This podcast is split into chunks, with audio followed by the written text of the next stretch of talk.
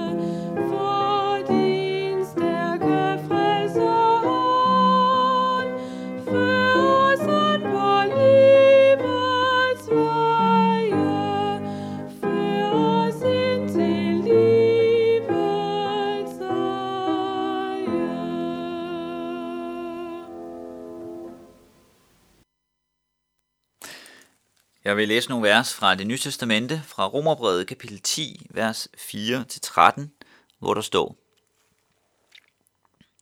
Kristus er enden på loven til retfærdighed for enhver, som tror. Om den retfærdighed, som kommer af loven, skriver Moses, det menneske, der holder budene, skal leve ved dem. Men den retfærdighed, som kommer af tro, siger således, sig ikke i dit hjerte, hvem vil stige op til himlen, nemlig for at hente Kristus ned, eller hvem vil stige ned i afgrunden, nemlig for at hente Kristus op fra de døde? Nej, hvad siger den? Ordet er der nær, i din mund og i dit hjerte. Og det ord er troens ord, som vi prædiker. For hvis du med din mund bekender, at Jesus er Herre, og i dit hjerte tror, at Gud har oprejst ham fra de døde, skal du frelses. For med hjertet tror man til retfærdighed, med munden bekender man til frelse. For skriften siger, ingen som tror på ham, skal blive til skamme. Der er ingen forskel på jøder og grækere. Alle har den samme herre, rig nok for alle, som påkalder ham, for enhver, som påkalder Herrens navn, skal frelses. I ordene fra Romerbrevet, som jeg lige har, har læst, er der en kort forklaring på dele af tilgivelsens virkelighed. Og den virkelighed er også en virkelighed, vi ser eksemplificeret og udfoldet i Jesu omgang med mennesker, i hans måde at forholde sig til mennesker på. Jesus provokerer sine omgivelser på flere måder, og ofte kan han for dem, der er sammen med ham, være svær at sætte i kasse. Han skiller ud over synd, og han lever tæt sammen med syndere. Jesus var flere gange sammen med farisæere, med dem, som var agtet i samfundet dengang. Han kunne være barsk i sin kritik af farisæerne, men han var alligevel sammen med dem. Han kom, når han blev indbudt. Han spiste sammen med en fejser. Han talte med dem. Og vi hører engang, at han sad i en farisæers hus og spiste. Og så kommer der en kvinde, som lever i synd. Sådan er det beskrevet. Hun har, denne kvinde, garanteret ikke været der før. Men der er noget, der trækker. Jesus er der. Hun søger ham. Og så kan man stille spørgsmålet, hvad er det, hun kommer med, når hun kommer ind i huset, hvor Jesus er? Man kunne sige, at hun kommer med sine sønder, men det kan også formuleres anderledes. Der er en, der har sagt, at der er ingen i Lukas evangeliet, der kommer til Jesus med sine sønder. De kommer til Jesus med deres liv. Den formulering er jeg ikke helt med på, for selvfølgelig kommer de også med deres sønder, men der er en pointe, som er væsentlig. Hun kommer til Jesus som den, hun er. Hvordan skulle hun ellers komme? Og hun bliver også set som den, hun er. Simon, som han hedder, ham fra isæren Jesus, er på besøg hos. Han ser hende og tænker, at hun er en, der lever i synd, og han forarves over, at Jesus accepterer det. Jesus ser hende, og han bruger hende som forbillede over for Simon. Simon ser hende som en advarsel. Jesus ser hende som en person til efterfølgelse. Hun er en person, der kommer med sit liv og sine sønder og bevæger sig ind i tilgivelsen. Hvad kommer Simon med til Jesus? Man kan sige, at han kommer med sit ordentlige og gode liv. Han kommer som en person, der har styr på det. Han har kontrol over det med Gud. Han har kontrol over sit liv. Han kan vurdere, hvem der er ude og hvem der er inde. Og denne kvinde er ude, ifølge ham. Men det er hende, der har bevæget sig ind i tilgivelsen, ifølge Jesus. Hun har fået meget tilgivet, siger Jesus. Hun elsker meget. Hun er sat i tilgivelsens rum. Hun er forbilledet. Ikke Simon. Hvad var så det, der hindrede Simon i at være der, hvor hun var? Det var vel hans vurdering af sig selv, af andre mennesker og hans forhold til Gud. I Romerbrevet kapitel 10, som jeg læste fra før, der er der en beskrivelse af to former for retfærdighed. To måder, hvorpå vi kan have med Gud at gøre. Den ene afhænger af os, den anden er uafhængig af os. Umiddelbart kunne man jo tro, at vi af os selv ville vælge den retfærdighed, vi kan få uafhængig af os selv. Men i praksis er det ikke sådan. Vi tænker os selv anderledes og har svært ved at blive i det, Gud giver.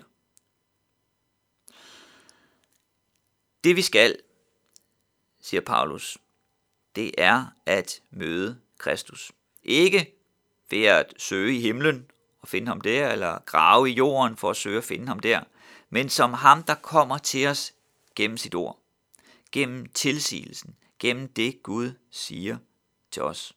Når vi hører det, så flyttes vi af Gud ind i et andet rum. Og Paulus han formulerer sig på den måde, at med hjertet tror man til retfærdighed, og med munden bekender man til frelse. Og så understreger han den sandhed med to citater fra det gamle testamente. Fra salme 25, ingen som tror på ham skal blive til skamme, og Joel 5, en hver som påkalder Herrens navn skal frelses.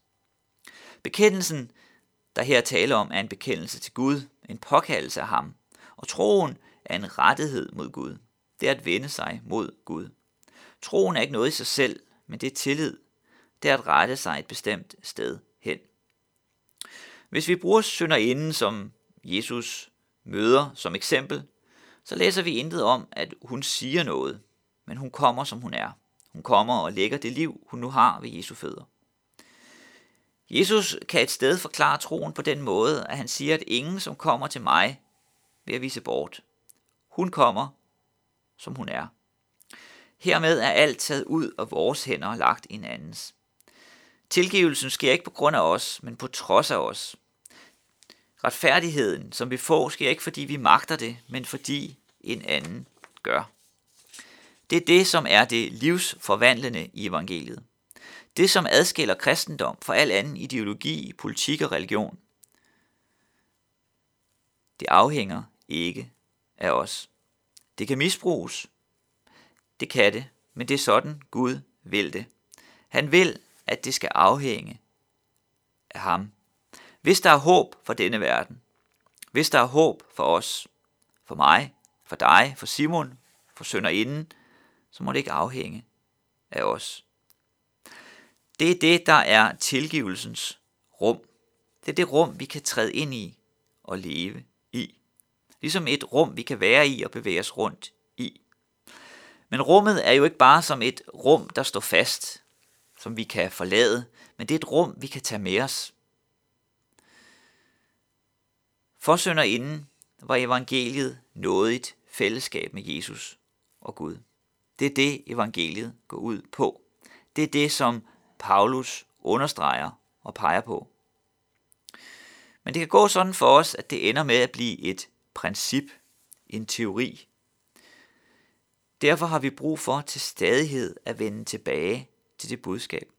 For til stadighed at møde Gud, møde Jesus, komme til ham, som inden gjorde, for at vi igen kan komme ind i tilgivelsens rum og leve der. Amen.